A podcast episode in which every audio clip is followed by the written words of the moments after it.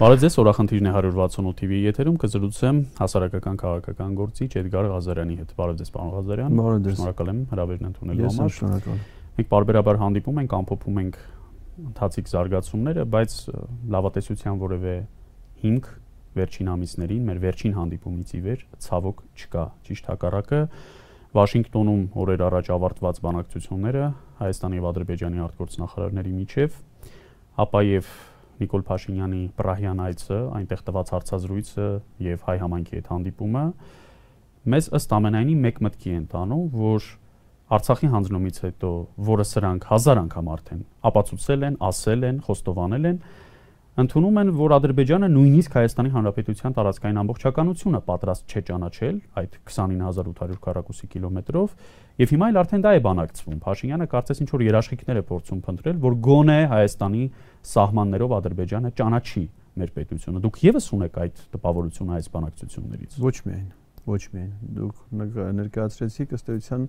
նվազագույն ռիսկերը, որոնք կան, ամերիկյան դիվանագետներից մեկը, որ ներկա էր եղել դեր առաջի օրվա հանդիպմանը, հայտնել էր, որ քննարկվում է երկու երկրներում էթնիկ փոքրամասնությունների իրավունքների պաշտպանության հարցերը։ Դա արդեն նշանակում է, որ ոչ միայն Արցախահայությունն է ըստ պայմանավորվածությունների դիտարկում որպես էթնիկ փոքրամասնություն, այլ քննարկում է ադրբեջանցիների Հայաստանում գտնվելու ընթացքում նրանց իրավունքների պաշտպանությանը վերաբերող հարցեր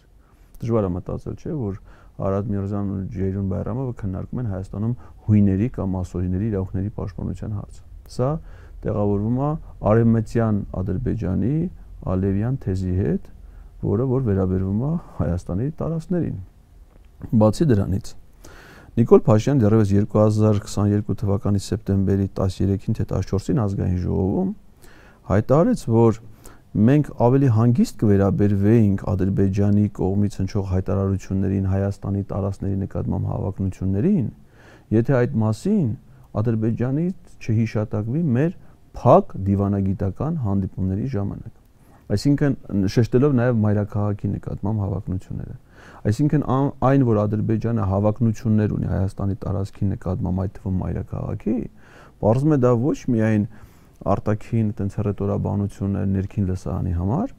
այլև ըստ Նիկոլ Փաշինյանի իրենց դիվանագիտական փակ հանդիպումների քննարկման առարկա։ Եվ հիմա որ դա համադրում ենք Վաշինգտոնյան հանդիպումներին ընթացքին, ընդ որում պատմության մեջ թերևս քիչ հանդիպող անժամկետ բանակցություններին, որովհետև հայտարարվել էր բանակցությունների մեկնարկի մասին, բայց չէր հայտարարվել, թե երբ դա կավարտվի։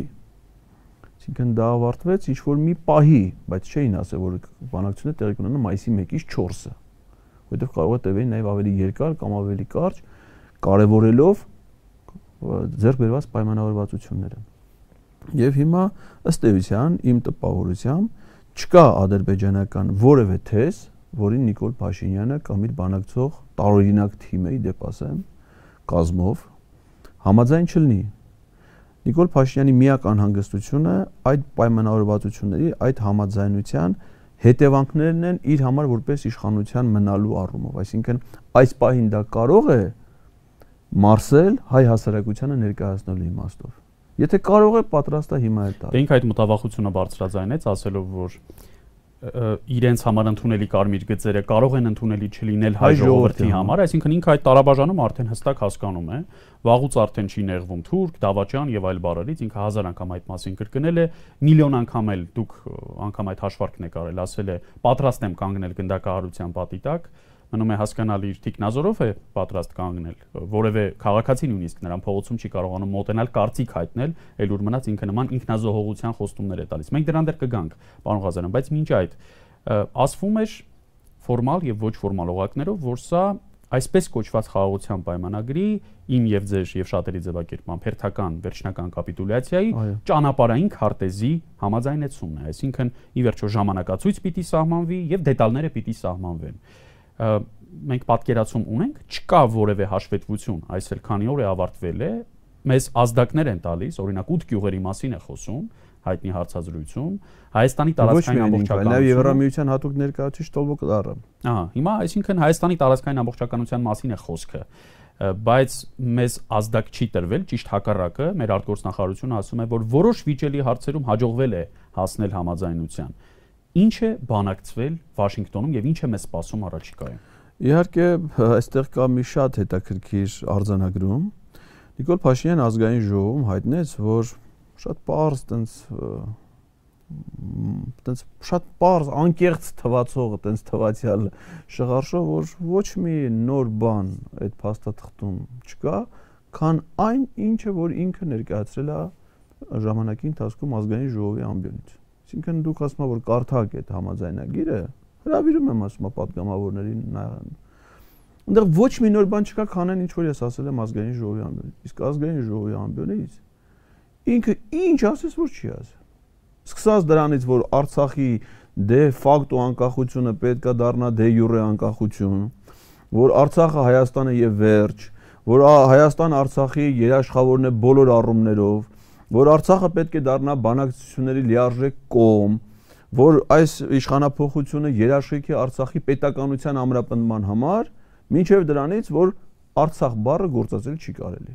Այսինքն այդպես բան չկա, որ ինքը ընդ որում ամեն ինչ ազգային ժողովի ամբիոնից ասած չլինի։ Եվ հիմա վկայակոչելով իր այդ սկզբունքային դիրքորոշումներին, ասում որ այդ համաձայնագրում այն է, ինչ որ ես ասել եմ ազգային ժողովի ամբիոնից։ Մնում է հասկանալ, թե որ ասածն է, նա միշտ մանևրի տեղ է թողնում, հնարավոր ամեն ինչ ասել։ Նրա ասածները հակասության մեջ են նույնիսկ ժամերի առումով, այսինքն նա կարող է առավոտյան կառավարության նիստում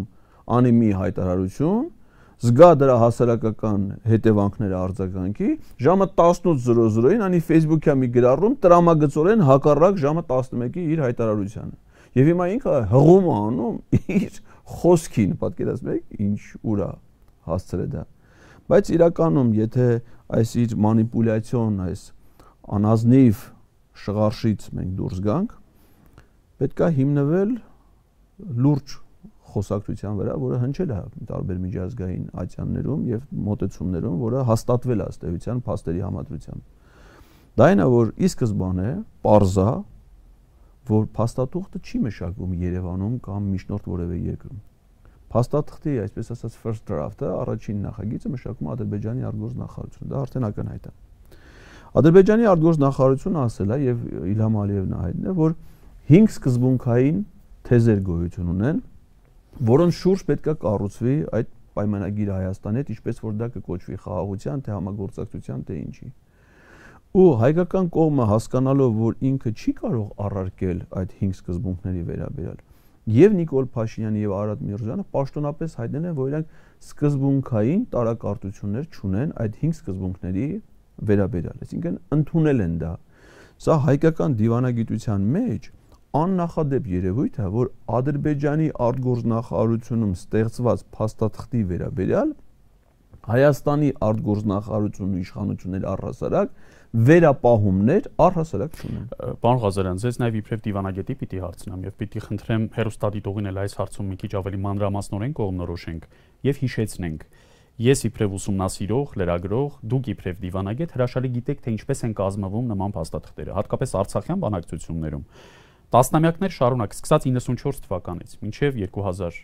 հավանաբար 19 թվական, երբ վերջին առաջարկներն են ներկայացվել, դրանց հեղինակները մշտապես եղել են միջնորդները, որոնք լսել են երկու կողմին, փորձել են ինի բերել այդ տեսակետները, հետո արդեն ընթացել է բանակցություն, փորձել են շտկել սուր անկյունները։ Եվ այո, փաստորեն սա առաջին դեպքն է, գոնե մեզ հայտնի, երբ կողմերից մեկը իր պարտադրանքը Միգուցե նաև հենց ուղակիորեն առանց միջնորդների համաձայնության նրան շրջանցելով ակնհայտորեն ուղակի շփման միջոցով փոխանցում է մյուս կողմին, պարտված կողմին եւ պարտված կողմը այո ամբողջապես ընդունում է այդ բոլոր պայմանները։ Ավելին, ոչ միայն այդ պայմանները։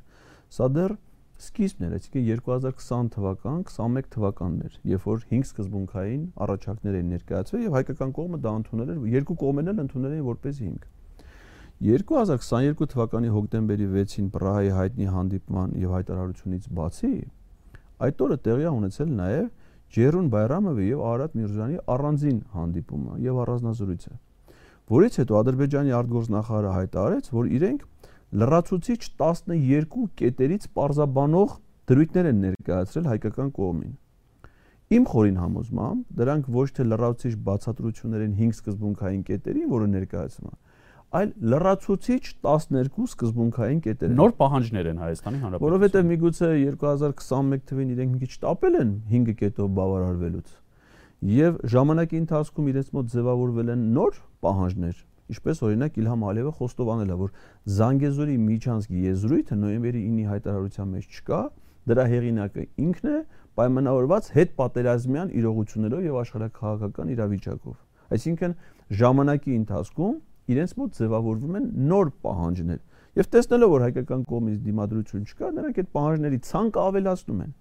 Եվ ինչն է կարևոր որ Ադրբեջանը այդ իր ըստեյության արդեն եթե գումարենք մաթեմատիկորեն այդ 17 սկզբունքային կետերից որևէ մեկում զիջելու տրամադրություն չունի։ Նայեցեք, օրինակ Արևմտյան Ադրբեջան, ադրբեջանցիների վերադարձ Հայաստան, դες բաներ որտեղ է գրած։ Նոյեմբերի 9-ում է գրած, չգիտեմ, հունվարի 11-ի կամ չգիտեմ, նույնիսկ հոկտեմբերի 6-ի հայտարարության մեջ նման բաներ չկա գրած, չէ՞։ Իսկեն նոր պահանջները դրանք հետո են ձևավորվում եւ նոր խնդիրները դնում են։ Ես ասում եմ, հայկական կողմը այս պահին պատրաստ է ամեն ինչի։ Ամբողջ Հայաստանը այսօր հանձնես Ադրբեջանին Նիկոլ Փաշինյանի համար դա խնդիր չի։ Ուղղակի իր համար կարևորը ճիշտ ժամանակի ընտրությունն է, որ դա իր իշխանության համար սպառնալիք չլինի։ Եվ ադրբեջանցիներն էլ դրան հարգանքով են վերաբերվում։ Այսինքն իրենց զիջումը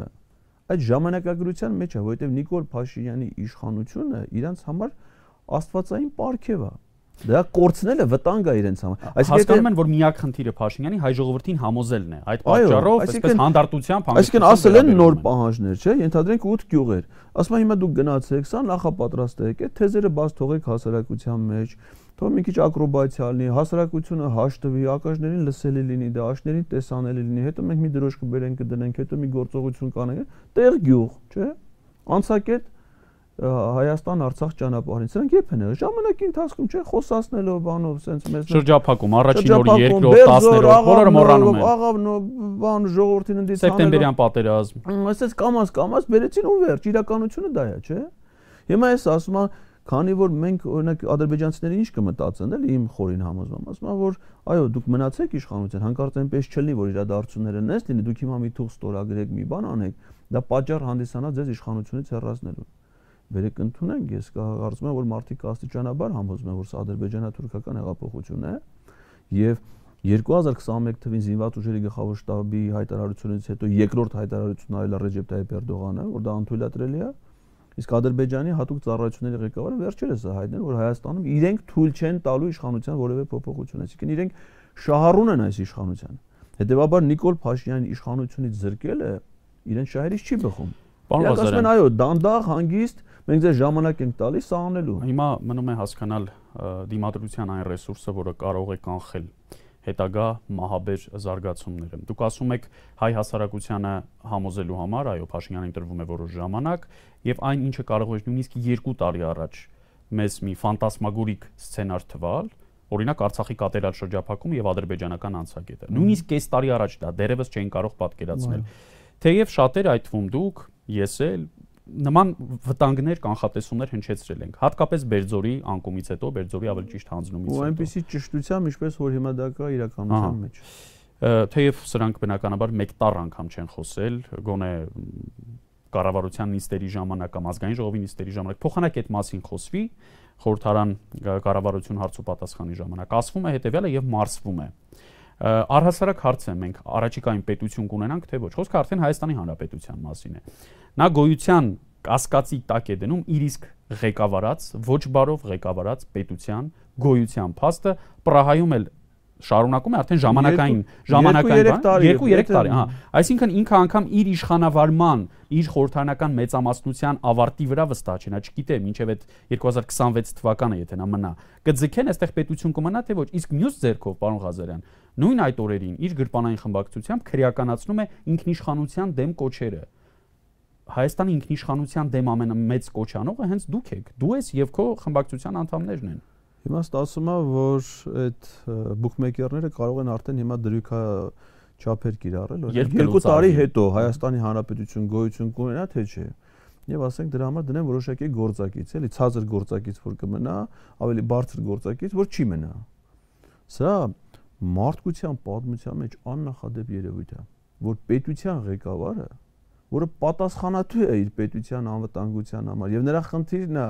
այդ պետության զարգացումը, հասարակական բարեկեցության ապահովումը, կանգնում ու ազատ խոսում այդ պետության վերացման մասին։ Եվ ընդ որում գիտեք ինչ բաներ ասում, ասում է 4 կողմից ուզում են, որ մեր պետությունը վերացնեն։ Հարցը չի առաջանում, ասենք 4 կողմերը դրանք ովքեր են նշանակում այլ պետություններ կարող ես ասենք դու տալ մի պետության անուն բացի ընդհանրենք Ադրբեջանը եւ Թուրքիան դա հասկացենք ես դա դիտարկում մի կողմը մյուս 3 կողմերը ովքեր են որ ուզում են մեր պետությունը վերա ինձ թվում է մենք բացի Ադրբեջանից ու Թուրքիայից մյուս պետությունները պիտի որ մեզ բարեկամներ լինեն նույնիսկ դաշնակիցներ լինեն ոչ թե նրանք ուզում են մեզ վերացնել ինչ է խոսում չէ կամ Եսեք այսպեսի մի բան, ես արձանագրել էի, թե նա քանի անգամ է ասել ընդ որում վերջին շրջանում parberabar բոլոր կառավարության նիստերին, որ Արցախի ազգաբնակչությանը առնվազն սպառնում է էթնիկ զտում եւ ցեղասպանություն, որ դրանից անմասն չի կարող մնալ նաեւ Հայաստանում ապրող հայժու։ Ցեղասպանություն հնարավոր է իրականացնել պետություն չունեցող ժողովրդի նկատմամբ Հնարավոր չի ժողովուրդը պետության տեր լինի եւ ցեղասպանության ենթարկվի, որովհետեւ պետությունը արդեն նշանակում է կանոնավոր բանակ, զինված ուժեր, զինված ուժերի այլ ստորաբաժանումներ, միջպետական հարաբերություններ, դաշնակիցներ, անվտանգային համակարգի այլ երաշխիքներ, չէ, որը առնվազն թույլ է տալ ինքնապաշտպանություն կազմակերպել։ Եվ եթե պետության ղեկավարը խոսում է իր ղեկավարած ժողովրդի ցեղասպանության հավանականության մասին եւ դա կրկնում է parberabar բոլոր առիթներով նշանակում է ինքն ընդունում է այդ պետության վերացած լինելու փաստը եւ փաստորեն հարց առաջանում. Եթե դու կործանել ես մեր պետականությունը վերացրել ես դա բայց դու ինչին ես ղեկավարում կամ ասենք իր թեզերը որոնք նա առաջ է քաշում դրանք բոլորը անօրինական են օրինակ Հայաստանը եւ Ադրբեջանը իրենց կազմավորման իմաստով առանձնահատկություններ ունեն։ Ադրբեջանի Հանրապետությունը խորհրդային միության փլուզումից հետո երբ որ հրճակվեց որպես անկախ պետություն, ընդունեց 18-ից 20 թվականների մուսաֆատական Ադրբեջանի իրավահաջորդությունը։ Իսկ այդ 18-ից 20 թվականի Ադրբեջանում ոչ միայն Արցախ չի եղել, այլ այդ պետությունը սահման չի ունեցել։ Նախիջևան էլ չի եղել իդեպ ին իր սովորական սահմանները նույնիսկ հյուսիսում հարավում որոշակիացված չեն եղել Այսինքն པարզ չի եղել թե ինչ տարածքի վրա է առհասարակ այդ պետությունը ստեղծվել ու ազգերի լիգաներ չի ճանաչել այդ պետության իրավազորությունը։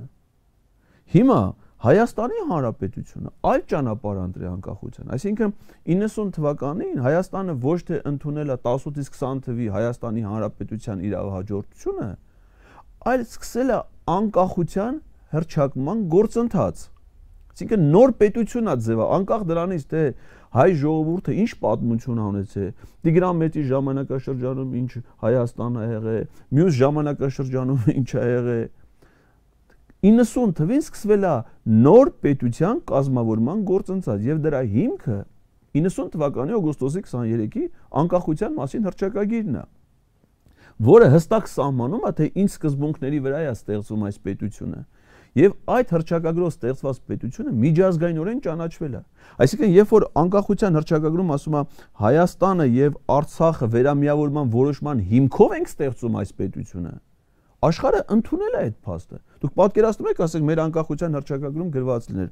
Հայաստանի Գերագույն խորհուրդը եւ Կալիֆոռնիայի նահանգը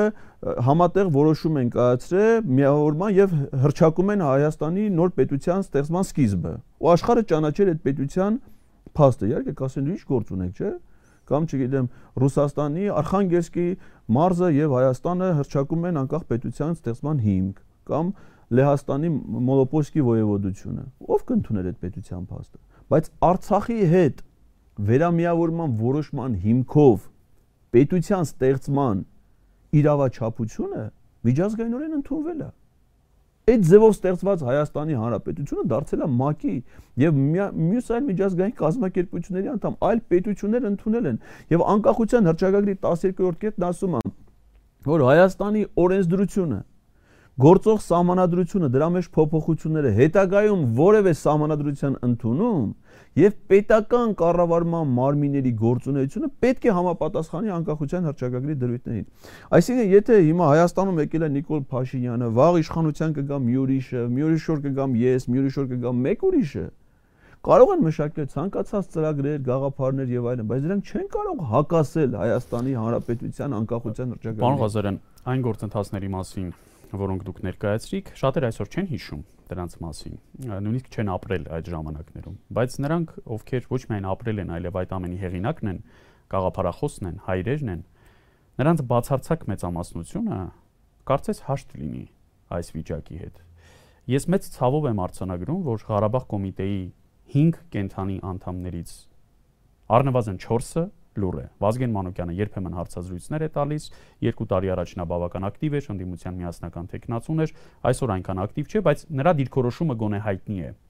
Մնացած անդամները, օրինակ, Ալեքսան Հակոբյանը կարծես թե երբևէ չի արտահայտվել հրաապարակայնորեն տարիներ շարունակ իր ղեկավարած Բերձորի անկման մասին։ Վերջերս վարում էր Արցախցի փախստականների մի համաժողով մարզահամերգային համալիրում, բայց քաղաքական որևէ հայտարարություն նա չի արել։ Տեր-Պետրոսյանի հարցազրույցները 1.5-2 տարի առաջ հիշում եք այն որ Ադրբեջանը մեծագույն մասը վերցրել է Արցախի, փոքր մասն էլ պիտի վերցնի եւ դրանով պիտի ավարտվի։ Բաբկեն Արարքցյանից ընդհանրապես որևէ լուր չունենք։ Աշոտ Մանուչարյանը անցել է ընդհատակ։ Փեսան կենտրոնական բանկի Այո, այո, դա միակ լուրն է վերջին տարիներին նրանից, այո, բավական հաջող։ Եվ ել չասած Գերագույն խորհրդի այն հարյուրավոր падգամավորները, որոնց դուք անցած տարի հրավիրել էիք օգոստոսի 23-ին նշելու համատեղ, մեծագույն մասը ցավոք չներկայացավ։ Ես շատ մեծ հույս ունեի, որ Արցախի ամբողջական կորստին զուգահեռ այս մարտիկ գոնե պիտի մի վերջին փորձ անեն ճարահատ, ինչպես 88 թվականին էր դա ոմանց խենթություն թվում։ Սա մեկ եւ երկրորդը Արցախյան էլիտան, Արցախում ապրող հասարակական քաղաքական գործիչները, եթե նրանք կան այսօր, պիտի ոդկի ելնեին հասկանալով, որ արդեն իրենց կյանքերն են դրված թուրքական յաթաղանի տակ։ Մարտիկ ամբողջական շրջափակման մեջ են, բայց Արցախի նախագահը, Արցախի պետնախարարը, այս փոփոխված Ալիևի կողմից փոփոխված պետնախարարը Արցախի նախագահի խորհրդականը, որը նախկին արտգործնախարարն է Արցախի եւ մյուսները դերևս չտեսնելու են տալիս Հայաստանի կողմից Արցախի ամբողջական օտարումը Ադրբեջանին։ Դերևս միջազգային հանրությունից են պահանջում, ռուս խաղաղապահներից են պահանջում, Եվրամիությունից, Չինաստանից, Միացյալ Նահանգներից, Հարավային Կորեայից ու Ճապոնիայից, երևի բոլորից պահանջում են, բացի Նիկոլ Փաշինյանից, երաշխավորել, ի վերջո դուրս բերել իրենց այդ անպատիվ վիճակից։ Գերագույն խորհրդի падգամավորներից հիմա որ շարունակում են ակտիվություն ցուցաբերել, կարծում եմ որ հիշատակման են արժանի նաև քաղաքացիական պայմանագիր խմբակցության падգամավորներ Հովիկ Աղազարյանը եւ Վիգեն Խաչատրյանը, որոնցից մեկը հիմա շատ ակտիվ զբաղվում է փողոցում կարտոֆիլի վաճառքի կազմակերպման հարցերով, մի ուրիշը ուղղակի շարունակում է սпасարկել ադրբեջանա-թուրքական թեզերն ու օրակարգը։ Այդ մի ուրիշը իդեպ կորցրել է հաշիվը թե քանի կուսակցություն է փոխել, դա պետք է անընդհատ հիշեցնել։ Այո։ Տասնյակը լրացել է երևի արդեն այդ կուսակցությունը։ Բայց կարծում եմ շատ լավ պահում այն հաշիվը, որը որը դրամի տեսքով նստում ամեն ամիս իր աշխատավարձային հաշվին։ Բայց նրանց դիրքորոշումը անկեղծ ասած, ես իհարկե հասկանում եմ դες, որ մարդիկ, որոնց մենք հակված ենք, ես ինքս օգոստոսի 23-ին անկախության հայրեր անվանել, անկախ նրանց հիմիկվա քաղաքական կարգավիճակից, որովհետև Նրանք են ընդունել անկախության հռչակագիրը, նրանց որոշումներով է հիմնադրվել այն Հայաստանի Հանրապետությունը։ Այո, պետք էր մտածել, որ նրանք պետքա այս պայքարի առաջին շարքերում լինեին, տեր կանգնեն իրենց իսկ կայացրած որոշմանը։ Բայց ես մեծ սպասելիքներ այդ առումով չունեմ, որովհետև ես ինքս ինձ այդ որոշումների շահառուն եմ համարում։ Նրանք անձնական որոշում չեն կայացրել անկախ Հայաստանի Հանրապետություն հիմնելով, եւ նրանք արձանագրել են ըստ էության պետության կազմավորման փաստը, բայց այդ պետությունը իրենք իրենց համար չեն ստեղծել։ Պետությունը իրենք ստեղծել են հայ ժողովրդի հազարավոր սերունդների համար, որ դեռ պետք է ապրի մեր պատմական հայրենիքում։ Մեզանից յուրաքանչյուրն է դրա շահառուն եւ դեռ 200 տարի հետո ծնվելիք Հայաստանի քաղաքացին է անկախության հռչակագրի եւ դրանով ստեղծված Հայաստանի Հանրապետության շահառուն։ Եվ մեզանից ոչ ոք պետքա թույլ չտա շեղում որևէ պաշտոնյայի մեր պետության հիմնադիր փաստաթղթերից եւ չպետքա թույլ տալ քանդել մեր պետականության հիմքերը։ Անկախ դրանից, թե այն ստեղծող, այսպես ասած, վարպետները հիմա ինչ կարգավիճակում են, ողջ են թե մեռած, ողջ լինելուց пассив են թե ակտիվ, ունենալ շահեր, ազնիվ են թե անազնիվ իրենց գործողությունների մեջ, մարդիկ են, նրանք կարող են կերպարանափոխվել, գտնվել տարբեր ազդեցությունների տակ։ Ինձ համար կարևոր այն որոշումն է, որի հիման վրա իրականություն է դարձել հայ ժողովրդի դարավոր երազանքը եւ մենք ապրելով այս ժամանակաշրջանում բարոյական պարտավորություն ունենք տեր կանգնել մեր պետականությանը եւ այն փոխանցել մեր սերունդներին։ Պարոն Ղազյան, մեկ անգամ չէ որ մենք միասին նաեւ այստեղ արցանագրել ենք, որ Հայաստանի սահմանադրական կարգը հիմնիվ էր եւ բազմիցս տապալված է։ Տապալված է անկախության հռչակագիրը իր դրույթների բացարձակ մեծամասնությամբ։ Սահմանադրական կարգը Հայաստանում չի գործում։ Միաժամանակ Թուրքիան եւ Ադրբեջանը դերևս դրանով էլ բավարարված չեն, ամեն ինչ պիտի անեն փոխել տալու համար Հայաստանի Հանրապետության սահմանադրության նախաբանը, հնարավորության դեպքում առասարակ չեղարկելու Հայաստանի անկախության հռչակագիրը միգուցե փոխելու Հայաստան պետության կարգավիճակը, Պաղեստինի պես մի բան սարքելու ոչ ՄԱԿ-ի անդամ, ինչ որ անվտանգության անհասկանալի երաշխիքներով, չեղած դաշնակիցներով, որևէ ներքին եւ արտաքին երաշխիք չունենալով, բանակը կազմալուծելով, պրոֆեսիոնալ բանակի մասին լոլոներ կարդալով, բայց սահմանապահ զորքեր ուղարկելով։ Այդտեղ թեթևազեն դուք կարդացել եք Վաշինգտոնի փաստաթուղթը։ Հավանաբար այդպես էլ նախատեսվում է այդ փաստաթղթով։ Ես մեծ վստահություն եմ, որ դա հենց այդպես է։ Դուք մոտավոր պատկերացում ունեք, թե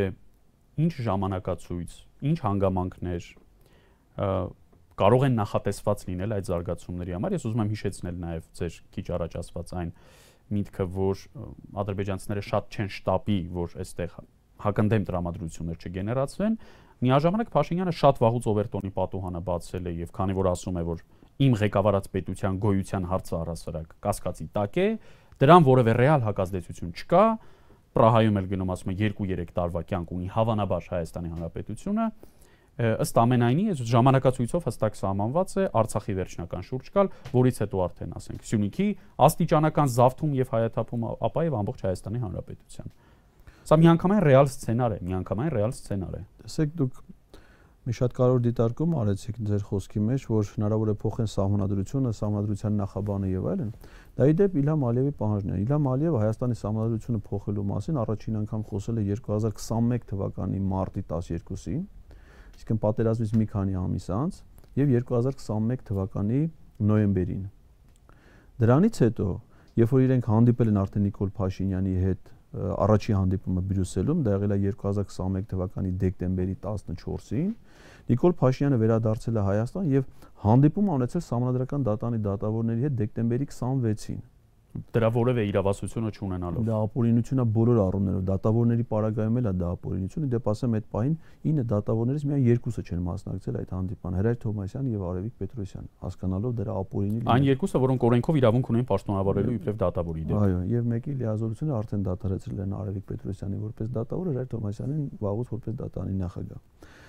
Եվ նույն օրը Նույն օր այդ հանդիպան Նիկոլ Փաշինյանը ստորագրել է որոշում համանդրական փոփոխությունների հանրաժողով ստեղծելու վերաբերյալ, երբ որ ինքը համանդրական փոփոխություններ կատարելու հանրաժողով ստեղծելու վերաբերյալ որոշում կայացրել դեռևս 2019 թվականին, մինչև պատերազմը։ Այսինքն ակնհայտ է, որ նրանք խաղում են համանդրության մեր պետության հիմքերի հետ։ Եվ ինչն է Ալիևի համար կարևոր եւ Նիկոլ Փաշինյանը, որ իրագործում է դրա վտանգները։ Եթե սրանք քանդեն մեր սահմանադրական հիմքը անկախության հռչակագիրի դեպ դրա մասին Նիկոլ Փաշինյանը այդ խորհրդանում ամբիոնից իր բազմաթիվ ելույթների շարքում ասել է որ անկախության հռչակագիրը վաղուց չի գործում Այսինքն դա այլև կարելի է դրա հետ հաշվի չնստել այդ փաստաթուղթը գոյություն չունի Եթե հրաժարվում են անկախության հռչակագրից, նշանակում է այս պետությունը Հայաստանի Հանրապետությունը, որի հետ որ մենք գործ ունենք, դադարեցնում է իր գործունեությունը, իր գոյությունը Եվ հետեւաբար պետք է այս պետության նախկին 90 թվին ստեղծված նախկին Հայաստանի տարածքի վրա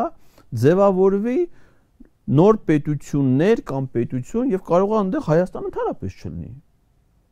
Եվ սրա ամենավտանգավոր հայտարարություններից մեկը Նիկոլ Փաշինյանն արել է 2022 թվականի սեպտեմբերի 22-ին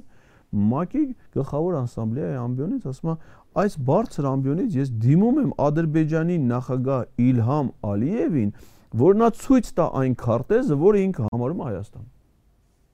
Եվ եթե Պարզի որ Ալիևը նման քարտեզ չունի, որ ցույց տա, ուրեմն Հայաստան չկա։ Որտեվ Ալիևը կասի չկա նման քարտեզ։ Ալիևը այդպես էլ ասում է։ Ալիևը այն ճանաչում է որպես ինչպես նշեցիք Արևմտյան Ադրբեջան, նախ ժողովրդագրական կազմի փոփոխությամբ, հետո արդեն ինչու ոչ նաև ցամաքային էքսպանսիայով։ Ալիևը իհարկե հաճախ է խոսում իր ծրագրերի մասին, բայց չեմ կարծում, որ պետք է վստահել նրա ազնվությանը, որ նա ազնվորեն ասում այն, ինչ մտածում է։ Պարոն Ղազարյան, այս գործընթացին զուգահեռ շատ ակտիվ կերպով Հայաստանի աշխարհակաղակական վեկտորի կտրուկ փոփոխության շարժ է տեղի ունենում, դա եւ ուղակի իշխանության ձեռամբ է արվում, շատ վաղուց արդեն անթակույց։ Եթե օրինակ մինչև պատերազմը կամ պատերազմին հաջորդող մի քանի ամսում գոնե մինչև իրենց վերարտադրությունը դա անում էին իրենց ձեռնասուն հկների միջոցով, նրանց առավոտից երեկո հանրային հերոստանգերությամբ հաչեցնելով կամ այլ իրենց perfect TV-ական աղբը լցնելով մարդկանց ուղեղները եւ սարսափելի ոչ adekvat հակառուսական տրամադրություններ գեներացնելով, զրկելով այդ անվտանգության վերջին բարձիկից, այսօր արդեն չեն էլ քաշվում։ Պրահայում մարդը դժգոհել է ռուսական գործոնից, ինչ այդ ասում էր բազմիցս դժգոհել է, ընդհանուր հասել է նրան հիշում եք, երբ ասում էր, որ Թուրքիան Ադրբեջանը ռուսական բազան դիտարկում են իբրև իրենց անվտանգության պոտենցիալ սպառնալիք, հնարավոր է այն հանվի, եւ հիմա երբ Թուրքիայի հետ այս սիրախաղն էլ կա, երբ Եվրամիության կողմից այդ գլուխ շոյելու գործընթացը կա, երբ սա գնում Պրահայում ասում է, որ Եվրամիության դիտորդները, այդ անզեն դիտորդները լուրջ դերակատարում ունեն Հայաստանի Հանրապետության անվտանգության երաշխավորման որովհետև տեղեկություններ են փոխանցում Ադրբեջանին իրենց դիտարկումների վերաբերյալ եւ նույնիսկ իրենց այդ արտահայտությունից հետո Հայաստանի Հանրապետությունը որևէ բացատրություն չի տվել, որ այդ օրինականացված լրտեսները Հայաստանի Հանրապետության ամբողջ սահմանով տվյալներ են հավաքագրում եւ դա փոխանցում են ուղղակիորեն Ադրբեջանին այս ամենից հետո Արցախում ժամանակի ընթացքում ռուսական կոնտինգենտի դուրսբերումից հետո, երբ այդ փաստաթուղթը կկնքվի եւ Ադրբեջանն էլ Հայաստանն էլ փաստորեն կասեն, որ մենք այլևս ռուս խաղաղապահների կարիք է այստեղ չենք տեսնում, ճանաչել ենք։ Հա, տարածքային ամբողջականություն արդեն Հայաստանի Հանրապետության տարածքում ռուսական ռազմական ներկայության հարցը կդրվի։ Լրիվ ճիշտ է։ Տեսեք ինչա հիմա կատարվում։ Ադրբեջանցիները ինչի շտապեցին տեղադրել սահմանային ուղեկալ Սահմանային ուղեկալը ֆորմալ իմաստով դա Ադրբեջանի ազգային անվտանգության ծառայության սահմանապահ զորքերի ուղեկալն է։ Սահմանապահ զորքերը վերահսկում են պետական սահմանը։ Այսինքն, եթե այնտեղ տեղադրված է սահմանային ուղեկալ, նշանակում է ընդունվում է Ադրբեջանի պետական սահմանի սկիզբը։ Իսկ դա ընդունվել այդ որոշումը միայն Նիկոլ Փաշինյանի եւ Իլհամ Ալիևի համաձայնությամբ, որովհետեւ այլ փաստաթուղթ, քան նոյեմբերի 9-ի հայտարարությունն է գոյություն չունի։ Իսկ նոյեմբերի 9-ի հայտարարությամբ պետքա լիներ Լաչինի միջանցք, որով Ադրբեջանը պետքա երաշխավորեր ուղևորների, բեռների եւ տրանսպորտային միջոցների առանց սահմանափակումների ազատ տեղաշարժը երկուղություններով, իսկ վերահսկողությունը պետքա իրականացնեն ռուս խաղաղապահները։ Հիմա ադրբեջանական սահմանային ուղեկալի տեղակայումը փոխում է այլևս ամեն ինչ, նշանակում է նոյեմբերի 9-ի հայտարարություն գոյություն չունի։ Կա մի կետ, որտեղից սկսվում է Ադրբեջանի Հանրապետությունը եւ իրենք այդ ցուցանակը դրել են թե որտեղից է այդ կետը։ Ընդ որում իրենց իսկ ձևակերպման պայմանական կետ։ Իրենք ասում են նա Ուսլովն է Ադրբեջան-Արմենիա գրանցում։ Այո, դա կարա տեղաշարժվի մինչև Նախիջևան։ Այո, այո։ Հիմա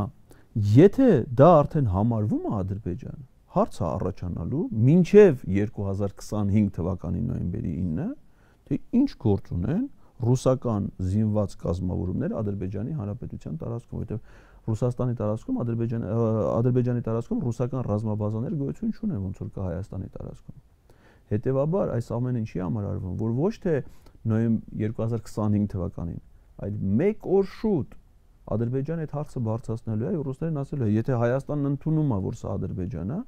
Դուք ի՞նչ գործ ունեք Ադրբեջանի տարածքում։ Ընդ որում դա արվում է Հայաստանի վարչախմբի ձեռամբ։ Ալիևը երբեք չի դժգոհում ռուս խաղաղապահներից, բայց Փաշինյանը շարունակաբար դժգոհում է նրանցից։ Շատ հարցեր կան, որ Ալիևը լուծում է Փաշինյանի միջոցով միայն։ Եվ հիմա իրենք հարց են բարձրացնելու առաջնահերթ դուրս բերեն ռուսական խաղաղապահ զորախումբը Արցախից առաջի этаպում եւ դա կլինի մինչեւ 2025 թվականը, եթե Հայաստանում իշխանության փոփոխություն չլինի, եթե ռուսական զորախումբը իր քաղաքականությունը չվերանայի։ Իր քաղաքականությունը վերանայելու նշաններ ոնց որ թե նկատվում են։ Գոնե անցակետը պիտի հեռացվի քաղաքականությունը վերանայելու դեպքում նոր հրամանատարը ակտիվ սկսել է բանակցություններ թե հայկական կողմի հետ, թե ադրբեջանական կողմի հետ եւ կարող է ձեռնարկեն որոշակի քայլեր, բայց իրենք ոչինչ չեն կարող անել, եթե չունենան Հայաստանի իշխանությունների ֆունկցիոնալ աջակցություն։ Իրենք ոչ թե չունեն, այլ Հայաստանի իշխանությունները գործում են իրancs դեմ։ Այսինքն կա հայ-ադրբեջանական համաձայնություն, կոնսենսուս այդ հարցի շուրջ եւ կան ռուսական ճարահատ Եվ հայ ժողովրդի, որ ապրում ոչ միայն Արցախում, այլ նաեւ Հայաստանում։ Եվ այո, ես դες հետ լիոլի համաձայն եմ, որ դրանից հետո ռեկորդային կարճ ժամանակահատվածում հարցա բարձացվելու Ռուսաստանի Դաշնային անվտանգության ծառայության սահմանապահ զորքերի դուրսբերման համար շատերին թվում է թե Հայաստանում մեկ ռուսական ստացիոնար ներկայություն կա իդեմս 102 ռազմաբազայի բայց սահմանապահ զորքերը դրանք այլ պատկանելություն ունեն դրանք Ռուսաստանի Դաշնության անվտանգային ծառայության սահմանապահ զորքեր են որոնք այլ խնդիր ունեն 102 ռազմաբազայի հետ ոչ մի կապ չունեցող այլ ռազմական ներկայություն է դա Հայաստանի տարածքում եւ բնականաբար արագ հարց են դնելու այդ զորամիավորման դուրսբերումը Հայաստանի տարածքից իդեպ ասեմ ձեզ, որ կառավարության որոշում գոյություն ունի Հայաստանի, որ Հայաստանի սահմանների պահպանությունը, այդ թվում հայ-ադրբեջանական, պետք է իրականացնեն ոչ թե զինված ուժերի ստորաբաժանումները, այլ Հայաստանի անվտանգային ծառայության, անվտանգության ծառայության սահմանապահ զորքերը։ Նշանակում է, որ եթե մեր բանակ այլևս սահմանի պահպանություն չի իրականացնելու, այդ թվակազմով զինված ուժեր Հայաստանին այլևս պետք չի լինելու եւ այդ զորամիավորումները արագ անվտանգության ծառայության սահմանապահ զորքերի վերափոխելու համար կար ժամանակ է պետք եւ իրանք ասեն դուք դուրս եկեք մեր սահմանները պահելուց մենք ենք պահելու նաեւ հայ-թուրքական սահմանը դա կլինի երկրորդ քայլը եւ երրորդ քայլում արդեն Հայաստանից դուրս կբերվի 102 ռազմաբազան ինչը որ արդեն նշանակում է մաքուր օկուպացիա թուրք-ադրբեջանական Հայաստանի ողջ տարածքը։ Եվ նոր ցեղասպանություն արդեն Հայաստանի Հանրապետության ժողովրդի։ Դա արդեն գիտեմ ոնց են անում։ Իդեպ սահմանապահներին դիրքապահների փոխարեն բերելու եւ փաստորեն բանակային զորամիավորումները, բանակային ստորաբաժանումները սահմանապահներով փոխարինելու մասին մի ուշագրավ միտք էր նա հայտնել խորհրդարանում, ես վերջերս դա հնչեցրել էի երկու երեսի մի թողարկման ժամանակ, երբ ասում է խաղաղություն չկա, երբ դիրքում զինվոր է կանգնած, ասում է դուք տեսեք սրա պատկերացումը խաղաղության, հողի, հայրենիքի մասին։ Ասում է խաղաղություն այն ժամանակ է, երբ սահմանապահ է կանգնած, երբ ուղեկալ կա, ուրեմն թշնամի պետությունը, որը ամեն օր, ամեն ժամ խոսքով, գործով, ամեն ինչով քեզ սպառնում է եւ իրագործում է քո ոչնչացումը, դու ոչ միայն դրա վրա աչք ես փակում, դու քո դիրքապահին էլ հետ ես քաշում, քո ինժեներական կառույցներն էլ վարի ես տալիս պատերազմով, իրեն գալիս են առաջ, մատակարարման ուղիները կառուցում են, ամեն ինչ անում են, դու քո բանակը հետ ես քաշում, դեռ ավելին, ասում ես պատրաստ եմ էլի հետ քաշել, եթե ինքն էլ հետ քաշվի։ Բնականաբար նա հետ չի քաշվելու, բայց դու շարունակելու ես հետ քաշվել։ Ոչ միայն հետ չի քաշվում, ինքը տեղակայում է իր ամենաէլիտային զորամիավորները, կոմանդո եւ իաշմա դրանք բացառապես պայմանագրային զինծառայողներով Թուրքիայում վերապատրաստում անցած բազմաֆունկցիոնալ նշանակության, հատուկ նշանակության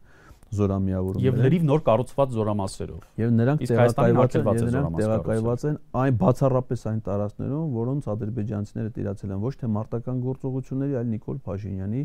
գրչի հարվածով Խարվաճառում օրինակ Խարվաճառում այո Վարդենիսի ուղությամբ, Ջերմուկի ուղությամբ, Սիսյանի ուղությամբ դրանք բոլորը այդ ստորաբաժանումներն են, որոնք Ադրբեջանը տեղակայում։ Եվ որոնք ակտիվ ներգրավվածություն ունենան, ունեցան անցած տարվա սեպտեմբեր 13-14-ին։ Շատ կարևոր հարց։ Սամանապահ ծառայությունը, սամանապահ զորքերը կարող են տեղակայվել բացառապես սահմանի այն հատվածներում, որտեղ ոչ միայն հստակ սահմանագծված եւ սահմանանշված է, այլև սահմանը պատշաճ կահավորված է։ Այսինքն օրինակ հայ-թուրքական սահմանը, որտեղ սահմանապահ զորքեր են ուզում,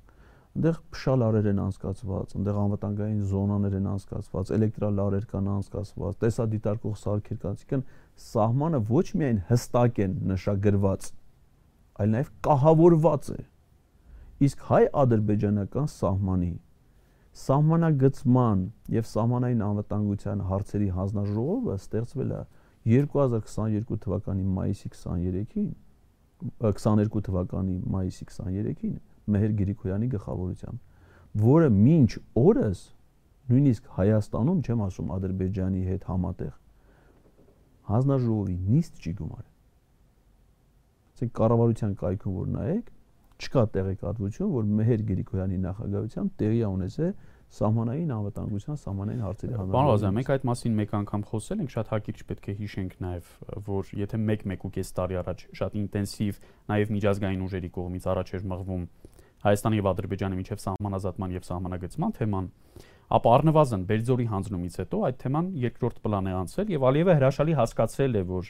դա իր համար հետքայլ կլինի շատ ավելի նպաստավոր կլինի անունը դնել պայմանական սահման հայ-ադրբեջանական եւ իր սպառնալիքները, որ ինքը ուժով միակողմանիորեն կորոշի թե որտեղով պիտի անցնի հայ-ադրբեջանական սահման։ Հայ-ադրբեջանական պայմանական սահման եզրույթ օգտագործում է նաեւ ադրբեջանի պաշտպանության նախարարը Զաքիր Հասանов։ Իսկ Սուրեն Պապիկյան այցելում է ժամանակակից տեխնոլոգիաներով, մաշած անվադողներով կահավորված սահմանագից։ Վերջի լուսանկարը երեկվա Facebook-ի իր էջում այն թեզերից մեկը, որով սրանք եկան իշխանության, շահարկելով պահածոների դատարկ տուփեր, մաշված անվադողեր, զինվորները բահերով էին կրվում, տանկերում վառելիքի փոխարեն ջուր էր,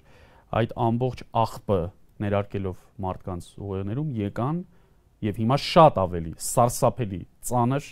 ժառանգություն են թողնում, եթե որևէ բան մնա իհարկե այս ամենից։ Ապացույցը 15 զինծառայողների մահվան կացարանը։ Պարոն Ղազյան, մեծ զրույցը պիտի ավարտենք այն դրվագով, որը հիշատակեցի զրույցի սկզբում, Փաշինյանի մոլեգին մտասևեռումը իր ենթադրյալ գնդակահարության թեմայի վրա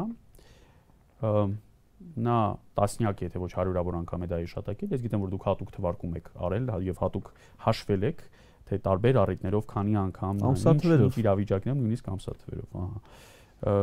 իրեն ձեռնտու չէ որևէ հանգամանքում արդարադատությունը եւ արդար դատակնությունը ինչու է այդ մտասևեռումը նրան շարունակաբար հետևում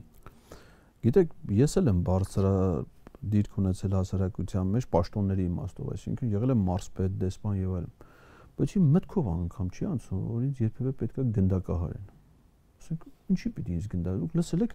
որևէ այլ պաշտոնյայից որ ասի, որ ես պատրաստ եմ կանգնել պատի տակ, որից գնդացիք ինչի պիտի գնդակահարեն, չէ՞, ասենք Պաշտոնյան իր աշխատանքի շրջանում ունեն մա հաջողություններ, որի համար դրական են խոսում, ունեն մա ձախողումներ, որի համար նրան դիմախոսները նրան քննադատում են, եթե քրեական հանցանք է կատարել, պատասխանատվության է ենթարկում օրենքով սահմանված կարգով։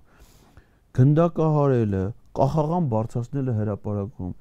դրանք բացի դրանից որ արգելված պատժի տեսակները նույնիսկ պետության կողմից կիրառելու իմաստով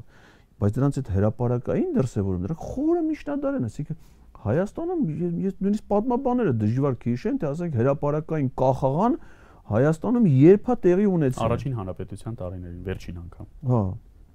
Տեսեք, ես օրինակ դասալիքների ընդ որում Չարենցը Մահվանտեսինում նկարագրում է։ Հա, ես օրինակ դա էլ տենց շատ չի տպավորվել, այսինքն այդքան շատ պրակտիկ կիրառություն էլ չունեցել նման դաժանությունը, բան դա նույնիսկ ասեք դա բռնության կոչ է իր մեջ պարունակում նման հայտարարություններ անել։ Եվ մեկ է ողջում է, որ դա հնչում է Եվրոպայի խորհրդի անդամ երկրում, երկրի ղեկավարի կողմից 21-րդ դարում։